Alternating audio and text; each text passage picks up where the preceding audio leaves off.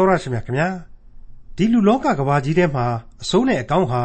အတူတွန်တွဲတည်ရှိနေတယ်ဆိုတာကိုအထူးပြောစရာမလိုပါဘူးနေဆာနဲ့အနိစ္စ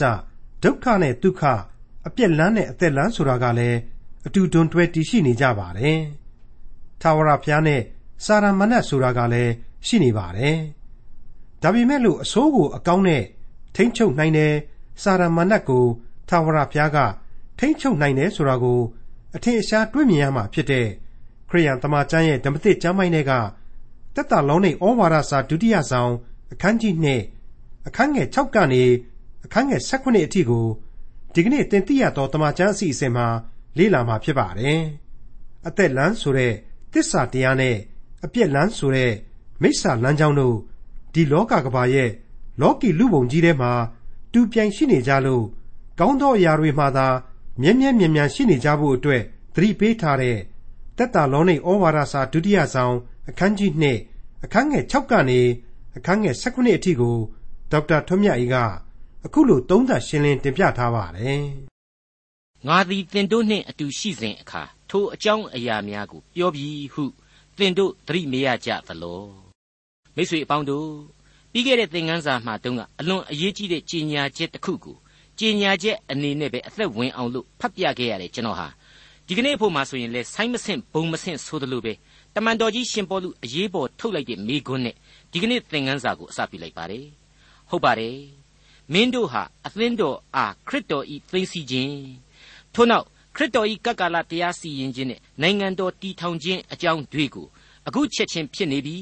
မကြခင်ပဲဖြစ်တော်မယ်ဆိုပြီးတော့စိတ်ကူးယဉ်ခြင်းနားယောင်ခြင်း သူများစာနဲ့ပေနဲ့ရေးပြီးတော့ဖြီးခြင်းဖြန်းခြင်းများကို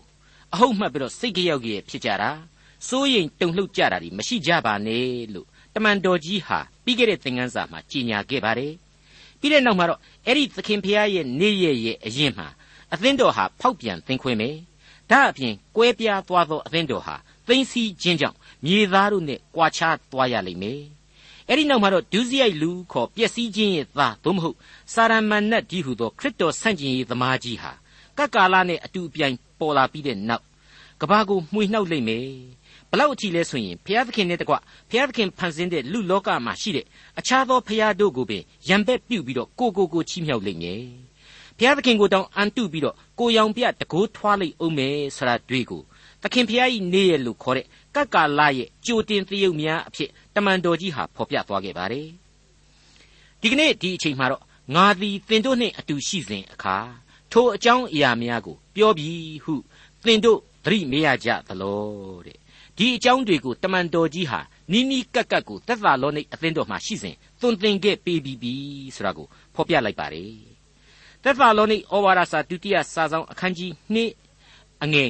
9ငါသည် သင်တို့နှင့်အတူရှိစဉ်အခါထိုအကြောင်းအရာများကို ပြောပြီးဟုသင်တို့သတိမေ့ရကြသလောတဲ့ငါဟာမင်းတို့ကိုဒီဩဝါဒစာထဲမှာထည့်ပြီးရေးခဲ့တဲ့ဒီအကြောင်းအရာတွေကိုမင်းတို့နဲ့ရှိစဉ်တုန်းကလည်းပြောခဲ့ဘူးပါသေးတယ်မင်းတို့သတိရကြမယ်ထင်ပါတယ်မိများမေ့ကုန်ကြပြီလားကွာအဲ့ဒီသဘောမျိုးတက်ရောက်အောင်ဖော်ပြလိုက်ခြင်းဖြစ်ပါတယ်ကျွန်တော်စောစောကရှင်းပြခဲ့တဲ့အတိုင်းပြီးခဲ့တဲ့သင်ခန်းစာမှာတမန်တော်ကြီးဟာညီအကိုတို့ ငါတို့သခင်ယေရှုခရစ်ကြွလာတော်မူ၍ငါတို့သည်အထံတော်၌စည်းဝေးခြင်းအရာမှာသခင်ဖျား၏နေ့ရက်သည်ချက်ချင်းရောက်မည်ဟု၍စိတ်ဝိညာဉ်အားဖြင့်ဖြစ်စေနှုတ်ထွက်စကားအားဖြင့်ဖြစ်စေငါတို့စာကဲ့သို့သောစာအားဖြင့်ဖြစ်စေသင်တို့သည်စိတ်ရွေ့လျောခြင်းစိုးရိမ်တုန်လှုပ်ခြင်းအလျင်တစောမရှိမီအကြောင်းငါတို့သည်တောင်းပန်ကြ၏ဆိုပြီးတော့ကြိုတင်ပြီးတော့ကြော်ညာပြီးတဲ့နောက်မှာတမန်တော်ကြီးဟာဘယ်လိုဘယ်လိုဆက်လက်ပြီးဖော်ပြခဲ့တယ်ဆိုတာကိုပြီးခဲ့တဲ့သင်ခန်းစာရဲ့အငယ်3နဲ့4တို့မှာအခုလိုတွေ့ကြရပါတယ် အဘယ်သူမျှသင်တို့ကိုအဘယ်သို့သောအားဖြင့်မလှည့်ပြားစေနှင့်ထိုနေ့ရဲ့မရောက်မီဖောက်ပြန်သင်ခွဲခြင်းသည်အရင်ဖြစ်၍ဒုစရိုက်လူကြီးဟုသောပျက်စီးခြင်း၏သားသည်ပေါ်လာရလိမ့်မည်ထိုသူသည်ဖျားသခင်ဟု၍၎င်းဖျားဟု၍၎င်းခေါ်ဝေါ်သမျှသောအရာတို့ကိုရံပက်ပြု၍ကိုကိုကိုချီးမြှောက်သောအားဖြင့်ဖျားသခင်၏ဗိမာန်တော်၌ဖျားသခင်ကဲ့သို့ထိုင်၍ဖျားသခင်ဖြစ်အောင်ဆောင်လျက်ကိုကိုပြသောသူဖြစ်သည်မိတ်ဆွေအပေါင်းတို့ခမညာ ဒါတွေဟာကပ်ကာလဆိုင်ရာကြိုတင်နမိတ်များအဖြစ်ကျွန်တော်တို့ပါမှတ်သားနာယူဖို့အတွက်အရေးကြီးလာသောသင်ခန်းစာများဖြစ်ပါတယ်ကျွန်တော်တို့ကိုတမန်တော်ကြီးဟာကိုယ်တိုင်လာပြီးတော့မပြောပါဘူးသက်သာလောနိတ်အသင်းတော်မှာကိုယ်တိုင်အနိကသွန်သင်ခဲ့ပြီးပြီဖြစ်ပါတယ်သက်သာလောနိတ်ဩဝါဒစာဒုတိယစာဆောင်အခန်းကြီး2အငယ်6နဲ့9ကိုဆက်လက်နားဆင်ဖို့ရန်အတွက်အငယ်9ကိုပါစတင်ပြီးတော့ဖတ်ပြပါရစေငါသည်သင်တို့နှင့်အတူရှိစဉ်အခါ ထိုအကြောင်းအရာများကိုပြောပြီးဟုသင်တို့သည်သတိမရကြသလောထိုသူသည်မိမိကာလအချိန်၌ထင်ရှားစေခြင်းဟာယခုစီတာသောအကြောင်းကိုလည်းသင်တို့သိကြ၏အဘယ်သို့နည်းဟုမူကားဖွက်ထားလျက်ရှိသောထိုအတ္တမအရာသည်ယခုပင်ပြုပြင်စေရှိ၏သို့တော်လည်းစီတာသောသူသည်ပယ်ရှင်းခြင်းသို့မရောက်မီတိုင်အောင်စီတာလိမ့်မည်အတော်ကြီးကိုသေသေးချာလေးလာစဉ်းစားရမယ်ကြမ်းပိုင်းလို့ကျွန်တော်ဆိုချင်ပါတယ်ထိုသူသည်စီတာဤတဲ့ ရုတ်တရက်ဆိုရင်တော့နော်စာရမဏတ်ကိုဆိုလိုသလားလို့ထင်เสียရှိပါတယ်အရှင်းမဟုတ်ပါဘူးဘသူကိုဘသူကစီတာတာလေစောစောကကျွန်တော်တို့တွေ့ခဲ့ရတဲ့ဒုစရိုက်လူကိုတန်ရှင်းသောဝိညာဉ်တော်ကစီတာတာကိုပြောလိုက်တာပါဟုတ်ပါတယ်အင်္ဂလိပ်လိုက withholded ဆိုပြီးတော့ဖော်ပြထားပါတယ် withhold withheld ဆိုတာတွေ့ဟာချုပ်ထိန်ထားခြင်းကိုဆိုလိုပါတယ်တကယ်တကယ်တော့အပြစ်တရားကိုလူသမိုင်းဟာနှစ်ပေါင်းများလာပြီ ဘယ်မင်းဘယ်အစိုးရဘယ်တပ်မတော်ဘယ် empire ကမှပျောက်ပြက်သွားအောင်စီးတာလို့မရနိုင်ပါဘူးချုပ်နှောင်လို့လည်းမရနိုင်ပါဘူးဖျားသခင်ရဲ့ဝိညာဉ်တော်ကပေးစွန်သောခွန်အားနှင့်သားလျှင်ချုပ်ထိန်ထားနိုင်ပါတယ်ကန့်သက်လို့ထားနိုင်ပါတယ်ဒါဟာအမှန်ပါလူသမိုင်းအစမှဒုံကလေးကဇာတိပဂရိလူဘဝဟာအပြစ်ဒုစရိုက်နယ်တဲ့ကိုခြေကျွံသွားတယ်ဒုစရိုက်အပြစ်လန်းဟာအတိတ်ကတည်ရှိခဲ့သလိုအခုသက်သာလောနိဩဝါဒစာရေးနေတဲ့အချိန်မှလည်းတည်ရှိနေတယ် အရင်တုန်းကပြည့်ညတ်တော်များကိုစောင့်ထိန်ပြီးတော့ဘုရားသခင်ကိုယုံကြည်အားကိုးခိုလှုံခြင်းအပြင်ထိန်ချုပ်ရတယ်အခုခရစ်တော်ရဲ့ကျေးဇူးတော်ဂရုဏာတော်ကာလမှာကတော့တန်ရှင်းသောဝိညာဉ်တော်နဲ့သာလျှင်ထိန်ချုပ်လို့ရနိုင်ပါလိမ့်မယ်မိမိကာလအချိန်၌ထင်ရှားစေဖို့စီတာခြင်းဖြစ်တယ်ဆိုတာကတော့တန်ရှင်းသောဝိညာဉ်တော်အပြင်တီထောင်ထားသောအသင်းတော်တို့ရဲ့သမိုင်းတလျှောက်လုံးကိုဆိုလိုပါတယ်အဘယ်သို့နည်းဟူမူကားဆရာဟာ ဒီအကြောင်းကိုပြောရမယ်ဆိုရင်တော့ဆိုပြီးတော့ပနာမပြောလိုက်တာပဲဖြစ်ပါတယ်ဖွက်ထားလျက်ရှိသောထိုအတ္တမအရာသည်ယခုပင်ပြုပြင်စေရှိ၏တဲ့စာရမဏတ်နဲ့ဒုစရိုက်အပြစ်တို့ဟာအလွန်နက်နဲတဲ့အရာတွေဖြစ်တယ်ဒီအရာတွေဟာအခုအချိန်မှကတည်းကယုံကြည်သူတို့အသင်းတော်ကိုနှောက်ယှက်ဖျက်ဆီးနေတယ်ဆိုတာကိုတမန်တော်ကြီးဖော်ပြပေးလိုက်ပါတယ်ဒါပေမဲ့တဲ့သူ့ကိုထိမ့်ချုပ်ထားသူသူ့ကိုတားဆီးထားသူဖြစ်တဲ့တန်ရှင်းသောဝိညာဉ်တော်ဟာ ပယ်ရှင်းခြင်းသို့မရောက်မီတိုင်အောင်သူ့ကိုထိမ့်ချုပ်ထားမယ်စီးတားထားမယ်တဲ့ပယ်ရှင်းခြင်းဆိုတာကိုအင်္ဂလိပ်က taken out of the way လို့ဖော်ပြထားပါတယ်ရွေးထုတ်ဖယ်ရှားတယ်ဆိုတဲ့သဘောတက်ရောက်ပါတယ်ဟုတ်ပါတယ်အသင်းတော်ကိုမြေပေါ်ကနေရွေးထုတ်ဖယ်ရှားခြင်းကောင်းကင်ဘုံသို့သိမ်းဆည်းခြင်းကိုဆိုလိုခြင်းဖြစ်ပါတယ်ဒါတွေအားလုံးကိုပေါင်းစုခြုံငုံကြည့်လိုက်မယ်ဆိုရင်တော့စာရမဏတ်ဟာနှောက်ယှက်ဖြစ်စီနေတယ် ဒါပေမဲ့တန်ရှင်းသောဝိညာဉ်တော်အားဖြင့်ထိမ့်ချုပ်ထားနိုင်တယ်တနည်းဆိုရင်အဆိုးနဲ့အကောင်းတို့ဟာတွန်းတွဲနေရတယ်အပြက်လန်းနဲ့အသက်လန်းဟာအပြိုင်တည်နေရတယ်ဆိုတဲ့အချက်ပါပဲမှန်ပါတယ်မိတ်ဆွေဒီအကြောင်းတွေကိုအလေးနဲ့စဉ်းစားဖို့ကတော့ခရစ်တော်ကိုယ်တော်တိုင်ဖော်ပြပေးခဲ့တဲ့ဥပမာစကားတော်ကိုပဲပြန်လည်လေ့လာကြရမှာဖြစ်ပါတယ်ရှင်မသက်ခရစ်ဝင်ကျမ်းအခန်းကြီး73အငယ်24မှ30အတွင်ကိုကြည့်စီခြင်းပါတယ်အခြားသောဥပမာစကားကိုမိမ့်မွက်တော်မူသည်ကား ကောင်းကင်နိုင်ငံတော်သည်ကောင်းသောမျိုးစေ့ကိုလေ၌ကျဲသောသူနှင့်တူ၏လူတို့သည်အိပ်ပျော်သောအခါသူ၏ရန်သူသည်လာ၍ကောင်းသောစပားနှင့်လက္ခဏာတူသောတောမျိုးစေ့ကိုစပားအထက်၌ကျဲ၍သွားလေ၏အပင်ပေါက်၍အသီးအနှံထွက်သောအခါတောပင်များလည်းထင်ရှားလျင်ကျွန်တို့သည်အိမ်ရှင်ထံသို့သွား၍သခင်ကောင်းသောမျိုးစေ့၌ကောင်းသောမျိုးစေ့ကိုလေ၌ကျဲတော်မူသည်မဟုတ်လောတောပင်တို့သည်အဘယ်ကဖြစ်သည်ဟုလျှောက်ကြလျင်အိမ်ရှင်က ဤအမှုကရန်သူပြုသောအမှုတည်းဟုဆို၏အကျွန်ုပ်တို့သည်သွား၍တောပင်တို့ကိုရွေးနှုတ်စေခြင်းဟာအလိုတော်ရှိသလိုဟုလျှောက်ကြလျင်အိမ်ရှင်ကထိုသို့ငါအလိုမရှိ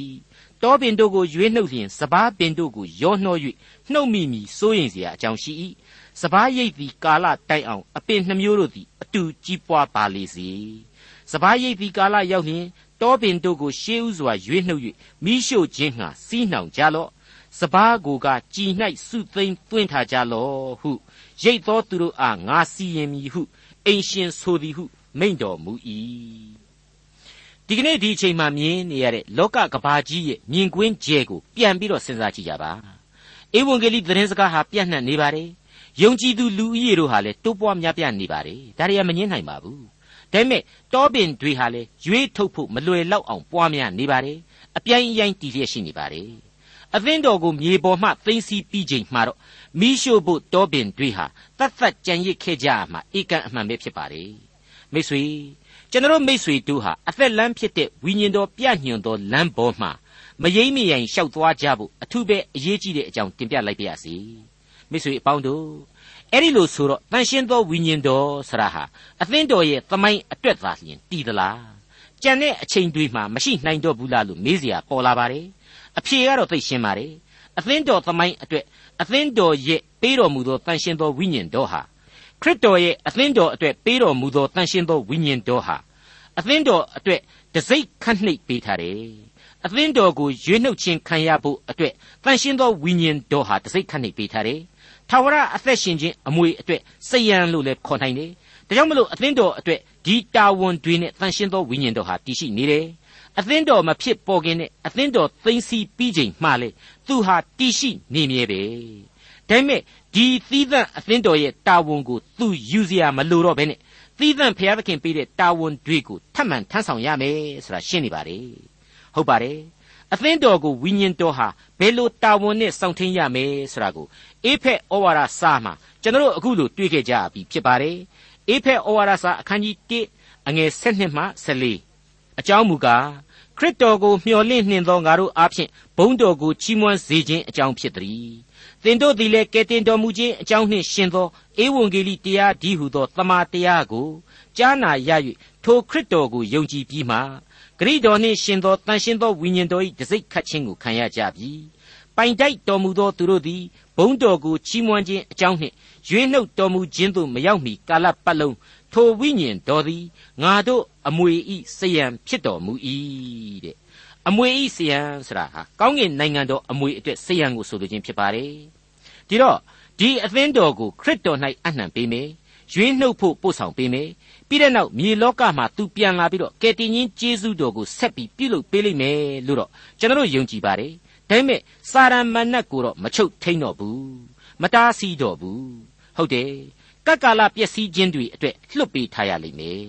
အဲ့ဒီနေနဲ့ပဲစာရန်ဟာလေတရားစီရင်ခြင်းနဲ့အပြီးတိုင်သုတ်သင်ခြင်းခံရမှာဖြစ်တယ်လို့ကျွန်တော်ဇက်တိုက်အဖြေတွေထုတ်ယူနိုင်ပါတယ်တန်ရှင်းသောဝိညာဉ်တော်ရဲ့ထိမ့်ချုပ်ခြင်းမရှိဘူးဆိုတဲ့အချိန်မှာစာရမဏတ်ဟာအကြီးအကျယ်တကိုးပြမယ်မဟုတ်ဘူးလားအဲ့ဒီလိုတကိုးပြခြင်းအဖြစ်ပင်ဖြင့်သူဟာဏီကုန်းချုပ်အချိန်မှာဖျက်ဆီးခံရဖို့သိကြသွားရပြီ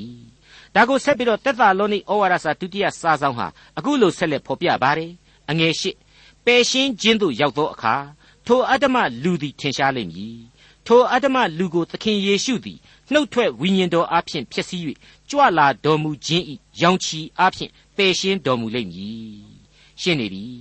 တန်ရှင်းသောဝိညာဉ်တော်နဲ့အသင်းတော်ကိုမြေပေါ်ကနေပြီးတော့သိသိချိန်ကစပြီးတော့စာရန်လူအန်တိခရစ်ခေါ်အတ္တမဝါဒီကြီးဟာထိမ့်မနိုင်သိမ့်မရတောင်းကျမ်းလာလိမ့်မယ် အဲ့ဒါဘယ်အချိန်ကြည့်အောင်လဲဆိုရင်ခရစ်တော်ကိုယ်တော်တိုင်မြေပေါ်ကိုကြွဆင်းလာတဲ့အချိန်တိုင်အောင်ဖြစ်ပါတယ်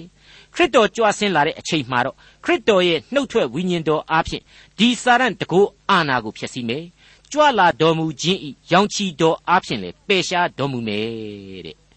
အဲ့ဒီတော့ဒီကပ်ကာလဆရာဟာစာရန်နတ်ဆိုးမင်းရဲ့အချိန်ကာလတစ်ခုအဖြစ်ဂန္ဓတစ်ခုလို့ပြောနိုင်လောက်အောင်အချိန်ကာလတစ်ခုပြီးပြီးပြင်းပြင်းဖြစ်လိမ့်မယ်လို့ကျွန်တော်မြင်နိုင်သလို အဲ့ဒီအချိန်ကာလအတွင်းမှာလေခရစ်တော်ဟာဆင်းသက်မလာသေးဘူးတစုံတစ်ခုသောအချိန်ကာလကြာမှဆင်းသက်လာမယ်ခရစ်တော်မလာမချင်းစာရန်ဟာလောကလူပုံကိုကောင်းကောင်းကြီးမှွေနှောက်နေလိမ့်မယ်ဆိုတာတွေ့ကိုအဖြေထုတ်ယူလို့ရနိုင်ပါတယ်မိတ်ဆွေအပေါင်းတို့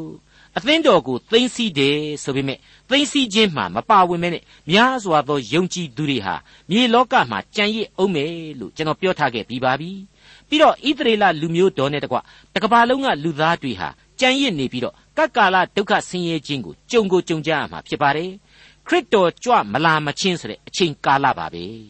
အဲ့ဒီတော့ခရစ်တော်ရဲ့ကြွလာတော်မူခြင်းဆရာကိုသေချာဆန်းစစ်မယ်ဆိုရင်နှစ်ဆင့်စီရှိနေတယ်လို့ကျွန်တော်တို့သတ်မှတ်နိုင်ပါလိမ့်မယ်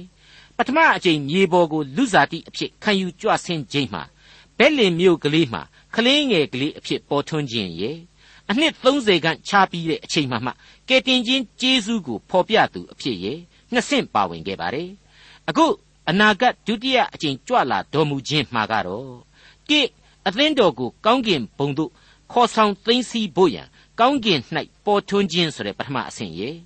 နှစ်ကပ်ကာလတရားစီရင်ဖို့နဲ့နိုင်ငံတော်တည်ထောင်ဖို့မြေပေါ်ကိုဆင်းသက်လာခြင်းရဲ့ဆိုတဲ့အဆင့်နှစ်ဆင့်ပဲဖြစ်ပါတယ်သက်သာလုံးនៃဩဝါဒစာဒုတိယစာဆောင်အခန်းကြီး2အငယ်9ကိုဆက်ကြပါအောင်စို့ထိုအတ္တမလူဤလာခြင်းအကြောင်းဟူမူကားစာတန်ပြုပြင်သောအဖြစ် မှုသာနှင့်ဆက်ဆိုင်သောထူးဆန်းသောတကူနမိတ်လက္ခဏာအံ့ဘွယ်သောအမှုအမျိုးမျိုးနှင့်၎င်းဒီအပိုင်းဟာခရစ်တော်ရဲ့အသင်းတော်ကိုသိသိချင်းမတိုင်ခင်အချိန်ကတည်းကဖြစ်ပေါ်နေနိုင်တဲ့လက္ခဏာတွေပဲလို့ကျွန်တော်ခံယူပါတယ်ထိုအတ္တမလူကြီးဟူသော anti christ ရဲ့ anti christ ရဲ့လာခြင်းအကြောင်းတွေနောက်ခံဖြစ်စဉ်တွေလို့ဆိုခြင်းဆိုနိုင်ပါတယ်စာရန်ရဲ့ပြုပြင်မှုတွေဟာသမိုင်းဦးကလေးကရှိသလိုခရစ်တော်အချိန်ကာလနဲ့ရှင်ပေါလုဒီစာကိုရေးနေချိန်မှာရှိတယ် သမိုင်းနောက်ပိုင်းနှစ်ပေါင်း2000လောက်သောဓမ္မသစ်ကာလကြားမှာလည်းရှိတယ်ကျွန်တော်တို့အခုအချိန်ကာလမှာလည်းရှိနေစေဖြစ်တယ်အနာဂတ်မှာလည်းအဲ့ဒီဒုတိယအကြိမ်ကြွလာခြင်းမတိုင်မီတလျှောက်လုံးမှာရှိနေလေအောင်မယ်လို့ကျွန်တော်တင်ပြခြင်းပါတယ်နီးလေလေပိုဆိုးလာလေလေဖြစ်လိမ့်မယ်ဒါကြောင့်မလို့လေကပ္ပအခြေအနေတွေကိုအကဲဖြတ်ပြီးတော့အဆက်ဆက်သောလူသားတွေဟာကပ်ကာလတော့ဖြင့်နီးနေပြီဆိုပြီးတော့တွက်ဆကြခြင်းတွေလည်းဖြစ်တယ်ဆိုတာကိုကျွန်တော်ခံယူသဘောပေါက်ထားဖို့လိုပါတယ် အငယ်30ကိုဆက်ဖို့ရန်အတွက်အငယ်6ကိုပေါင်းပြီးတော့ဖတ်ပြပါရစေထိုအရမလူဤလာခြင်းအကြောင်းဟူမူကားစာတန်ပြုပြင်သောအဖြစ်မှုသာနှင့်ဆက်ဆိုင်သောထူးဆန်းသောတကူနမိတ်လက္ခဏာအံ့ဘွယ်သောအမှုအမျိုးမျိုးနှင့်၎င်းပျက်စီးခြင်းသို့ရောက်သောသူတို့တွင်မတရားသောလှည့်ပြားခြင်းအမျိုးမျိုးနှင့်၎င်းလာလိမ့်မည်အကြောင်းမူကားထိုသူတို့သည်ကဲတင်ခြင်းသို့ရောက်အံ့သောငါတမာတရား၌မွေ့လျော်သောစိတ်ကိုမခံမယူကြ ဝန်းနေစရာအဖြစ်ဆိုးကြီးပါပဲစာရန်ဘက်ကိုကဘာအစအကလေးကတင်းငိမ့်ခဲ့ရတဲ့လူသားအမျိုးမျိုးသောလှည့်ပြားခြင်းတွေကြောင့်ပို့ပြီးတော့ဘဝပြက်ကင်းတွေဆိုက်ကြရလိမ့်မယ်တဲ့ကြည်စမ်းအဲ့ဒီရှင်ပေါလုရဲ့သာသနာပြုခရီးစဉ်အစမှာအသင်းတော်ဆရာဟာလက်တဆုပ်စာကလေးပဲဘာဒီအချက်တွေကိုပြောနေဖို့လိုမှလေအခုတော့ပြောပြအောင်ပြောရပြီပြောပြအောင်ပြောယုံတယ်မကသူပြောတဲ့အတိုင်းပဲလေဒီကနေ့ဒီအချိန်တိုင်အောင်ဒီအဖြစ်တွေအား ဒီအဖြစ်တွေဟာဝဲဥရစ်များလို့တအိပြီးတအိဆက်ပြီးတော့ကြက်လာခဲ့ပြီလို့ကျွန်တော်ဆိုချင်ပါတယ်ကျွန်တော်ပြောခဲ့တဲ့အတိုင်းပါပဲဘယ်အစိုးရဘယ်မင်းအာဏာဘယ်လက်နက်ကင်အဖွဲ့အစည်းကြီးကမှအပြစ်တရားကိုမတားဆီးနိုင်ပါဘူးမထိန်ချုပ်နိုင်ပါဘူးဝိညာဉ်ခွန်အားရှိတဲ့ယုံကြည်သူအသင်းတော်ကြီးတွေဟာတက်တာတယ်ဝိညာဉ်ခွန်အားမရှိတဲ့အဖွဲ့တွေကြတော့အဲ့ဒီဖောက်ပြန်ပျက်စီးခြင်းကြီးတွေကြားထဲမှာမျောပါသွားကြရပါတယ်တက်တာလုံးនៃဩဝါဒစာဒုတိယစာဆောင်အခန်းကြီး2 အငယ်7နဲ့7ထို့ကြောင့်တမာတရားကိုမယုံဘဲမတရားသောအမှု၌မွေ့လျော်သောသူအပေါင်းတို့သည်တရားရှုံးခြင်းသို့ရောက်မည်အကြောင်းမှုသာစကားကိုယုံစိမ့်သောငါမိစ္ဆာဒိဋ္ဌိပြုပြင်အားထုတ်ခြင်းအခွင့်ကိုသူတို့၌ဖျားသခင်လွတ်တော်မူလိမ့်မည်မိစ္ဆာဒိဋ္ဌိပြုပြင်အားထုတ်ခြင်းအခွင့်ကိုဖျားသခင်လွတ်တယ်ဆိုပါလားဖျားသခင်ကလွတ်တယ်ဆိုတော့ဖျားသခင်ကပဲတကူးတကလှောင်အိမ်ကလေးများဖွင့်ပေးပြီးတော့ ကြောင်ကလေးများကိုလွတ်ပေးတယ်လို့လွတ်ပေးတာလားမဟုတ်ပါဘူးအခုကျမ်းမှာသာမကကဘာဦးကျမ်းကစတဲ့ကျမ်းဒီမှာကလေးကအသက်လန်းဆိုတဲ့သစ္စာတရားနဲ့အပြက်လန်းဆိုတဲ့မိစ္ဆာလမ်းကြောင်းဟာတူပြိုင်ရှိတယ်အသက်လန်းကိုရွေးဖို့ဆိုတာဟာတသမတ်သေးဖော်ပြလာခဲ့ပြီးပြီအခုဆိုရင်ခရစ်တော်ရဲ့သိသိချင်းရှိမယ်တတ်ကာလရှိမယ်ဒုတိယအကြိမ်ကြွလာတော်မူခြင်းရှိမယ်ဆိုတာတွေ့ကိုအကြော့ကြော့ပြောနေပြီဒီကြားရရပဲနည်းနည်းကလေးမှနားမစွင့်သတိမရ နှုတ်ကပတ်တော်ကိုဇွတ်ညင်းပယ်ပြီးတော့စာရန်ဘက်ကိုကြည့်မျက်နှာမူနေမယ်ဆိုရင်တော့အဲ့ဒီလိုစကြတဲ့ကမာမာနတခွဲသားနဲ့ခိုင်မာနေတဲ့နှလုံးသားမျိုးကိုတော့အတိတ်သမိုင်းကဖာရောဘယင်လိုပဲဆက်ပြီးတော့ခိုင်မာစေသွားရမှာပဲလို့ကျွန်တော်တို့မတွက်ဆနိုင်ဘူးလားဟုတ်ပါတယ်ကျွန်တော်ထွတ်မြောက်ရာကြံကြတဲ့ကပြောခဲ့ပြီးပါပြီဖာရောဘယင်ကိုဘုရားသခင်ဟာသူကိုယ်တိုင်သူ့ကိုသိစေဖို့အတွက်မောရှေကနေတဆင့်မိတ်ဆက်ပေးခဲ့တယ်ဖာရောကလည်းဘုရားသခင်အကြောင်းကိုသိတယ် ဒါပေမဲ့သိတဲ့ကြားတွေကပဲလက်ခံရဲ့လားလက်မခံခဲ့ပါဘူးသူ့နတ်တွေနဲ့တောင်မှအားပြိုင်ဖို့လုပ်ခဲ့တယ်ပြီးတော့စစချင်းမောရှေတို့အာယုန်တို့ကိုဘုရားသခင်ကဘယ်လိုသင်ပေးခဲ့သလဲမင်းတို့ကွာဖာရောဘယင်ကိုဘယင်လိုပဲရိုးရိုးသေးသေးချီချီငံတော့ပြီးတော့ပြောကြကျွန်တော်ဣသရေလတွေဟာဖြင့်ဘုရားသခင်ကိုတောအရမှာတွားပြီးတော့ဖူးမြော်ခြင်းတဲ့အတွက်ကြောင့်ခွင့်ကလေး၃ရက်လောက်ပေးပါခမညာဆိုပြီးတော့ရိုးရိုးသေးသေးပြောကြဆိုပြီးတော့ညွှန်ကြားခဲ့ပါတယ်အဲ့ဒီလိုဘုရားသခင်က တောင်းတောင်းပန်ပန်ပြောစီတဲ့အခါမှာဒီဖာရောဘယင်ကနေပြီးတော့အေးလေမင်းတို့လည်းမျိုးနဲ့ရိုးနဲ့ကျွန်ဖြစ်လာတာကြာပြီပဲဒီသုံးလေးရက်ကလေးလောက်ကတော့သွားကြပေါ့ကွာဆိုတာမျိုးရှိလားမရှိဘူးမရှိတဲ့အပြင်မင်းတို့ကောင်တွေကိုပို့ပြီးတော့ခိုင်းမယ်ဒီငပြင်းတွေကိုကောက်ရိုးတောင်မှထုတ်မပေးနဲ့အုတ်ကြတော့အရေးအတွက်ပို့ပြီးတော့ထွက်ပါစေဆိုပြီးတော့ရဲရဲဆက်ဆက်လုပ်ပြခဲ့တယ်မိတ်ဆွေအပေါင်းတို့ဘ ဖျားသခင်ကိုကိုးကွယ်ယုံကြည်ခြင်းဆိုတာဟာလူလူချင်းပေါင်းသင်းဆက်ဆံဖို့စမ်းသပ်စစ်ဆေးခြင်းမျိုးမလုပ်အပ်ဘူးဆိုတာကိုကျွန်တော်ပြောခဲ့ဘူးတလို့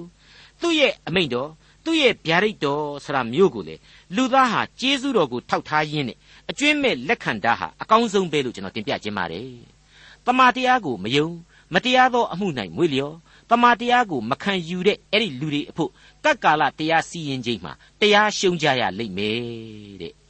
ဒါလောက်အထိအခြေအနေဖြစ်နေမှတော့ဒီအချက်ဟာဘာများဆန်းအောင်မှားလဲလို့ကျွန်တော်ဆိုချင်ပါတယ်။မမှန်မတရားတာမှန်ရင်အကုန်လုတ်တယ်ဆိုတဲ့သဘောဖြစ်နေပြီ။အဲ့ဒီမှာရင်ကိုနဲ့ကိုစိတ်ဟာလေဘုရားသခင်ကိုဘယ်လို့မှမမျှော်လင့်ဝင့်တော်ဘူးမမျှော်ဝင့်တော်ဘူး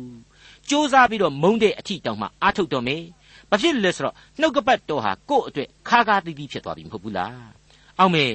ယုံကြည်ရင်ကဲတင်ခြင်းခံရမယ်တဲ့ဘာကဲတင်ခြင်းလဲကွာတန်ရှင်းသူများအဖြစ်သိသိခံရမယ်တဲ့ဘာသိသိခြင်းလဲကွာ စသည်စသဖြင့်ဖြစ်သွားပြီပေါ့အကုန်လုံးပြောင်းပြန်အမြင်နေမြင်တော့မယ်လေ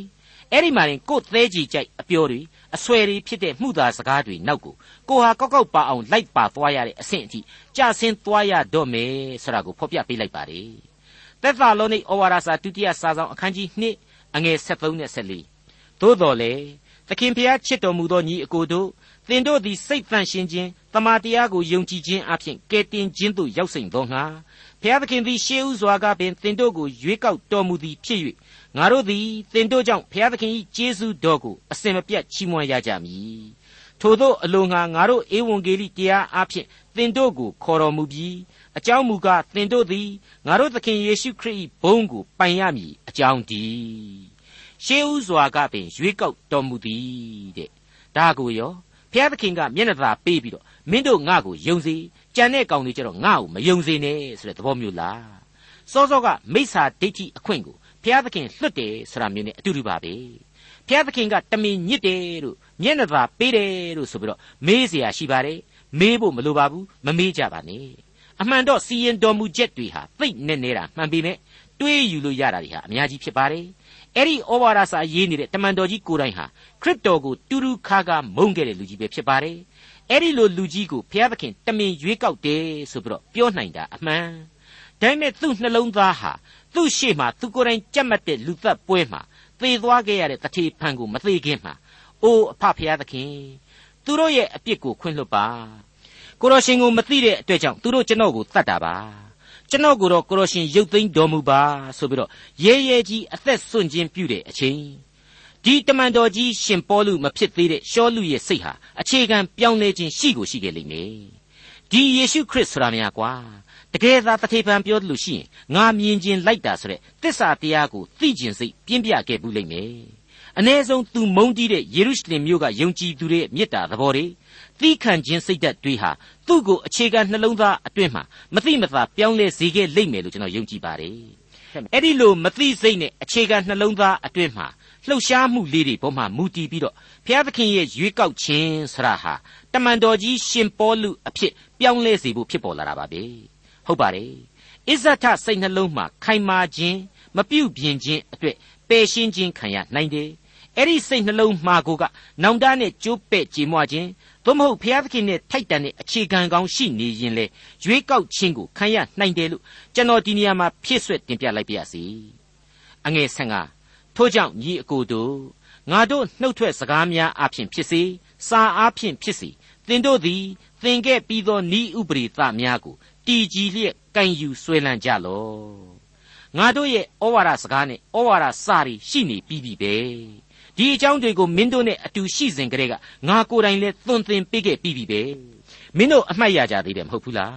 အဲ့ဒီတော့ဒီနီးဥပရိသများကိုသာတည်ကြည်စွာဆွဲကင်ပြီးတော့တည်ကြည်စွာဆွဲကင်ပြီးတော့ရှေ့သို့ခြိကြပါတဲ့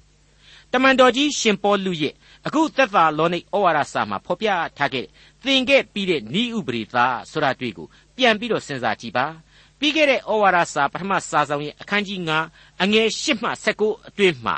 ရှင်းလင်းပြတ်သားစွာတွေ့ခဲ့ရပြီးတဲ့လမ်းညွန်ဩဝါဒများပဲဖြစ်ပါတယ်ဟုတ်ပါတယ်မိတ်ဆွေအပေါင်းတို့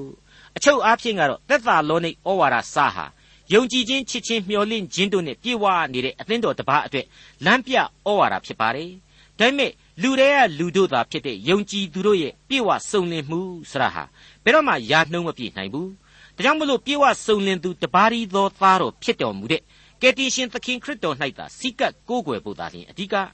သခင်၌သာလျှင်အစဉ်တစိုက်တည်ရှိတည်နေဖို့အဓိကဆိုတာကိုတမန်တော်ကြီးအလေးအနက်သတိပေးလျက်ရှိနေပါတယ်ဒါကိုနောက်ထပ်ဆက်လက်တွေ့မြင်ရမယ့်သက်သာလောနိဩဝါဒစာဒုတိယစာဆောင်အခန်းကြီး3ဟာလေဆက်လက်တိုက်တွန်းအားပေးသွားအောင်မှာသာဖြစ်ပါတယ်သက်သာလောနိဩဝါဒစာဒုတိယစာဆောင်အခန်းကြီး2ရဲ့ဏိဂုံးကိုတော့တမန်တော်ကြီးဟာသူ့အဖို့ဘယ်တော့မှမောတယ်ပန်းတယ်မရှိသောဆုတောင်းခြင်းအဖြစ်ဏိဂုံးချုပ်ပေးလိုက်ပါတယ် ဒါဟာသက်သာလောနိမှအစလူလောကတစ်ခုလုံးအတွက်ပဲလို့ဆိုပါရစေငါတို့ကိုချစ်တော်မူ၍ထာဝရသက်သာခြင်းအကြောင်းကို၎င်းကျေးဇူးတော်အားဖြင့်ကောင်းသောမျှော်လင့်ခြင်းအကြောင်းကို၎င်းပေးတော်မူသောငါတို့အဖကြီးဟုသောဘုရားသခင်နှင့်ငါတို့သခင်ယေရှုခရစ်သည်ကိုတော်တိုင်သင်တို့စိတ်နှလုံးကိုသက်သာစေ၍ကောင်းသောစကားကောင်းသောအမှုအမျိုးမျိုး၌သင်တို့ကိုမြဲမြံတော်မူပါစေသော ဒေါက်တာထွန်းမြတ်၏စီစဉ်တင်ဆက်တဲ့တင်ပြတော်တမချန်းအစီအစဉ်ဖြစ်ပါတယ်နောက်တစ်ချိန်အစီအစဉ်မှာခရိယံတမချန်းရဲ့ဓမ္မသစ်ကျမ်းပိုင်းတွေကတက်တာလောင်းနေဩဝါဒစာဒုတိယဆောင်အခန်းကြီး3အခန်းငယ်1ကနေအခန်းငယ်9အထိကိုလေ့လာမှာဖြစ်တဲ့အတွက်စောင့်မျှော်နားဆင်နိုင်ပါတယ်။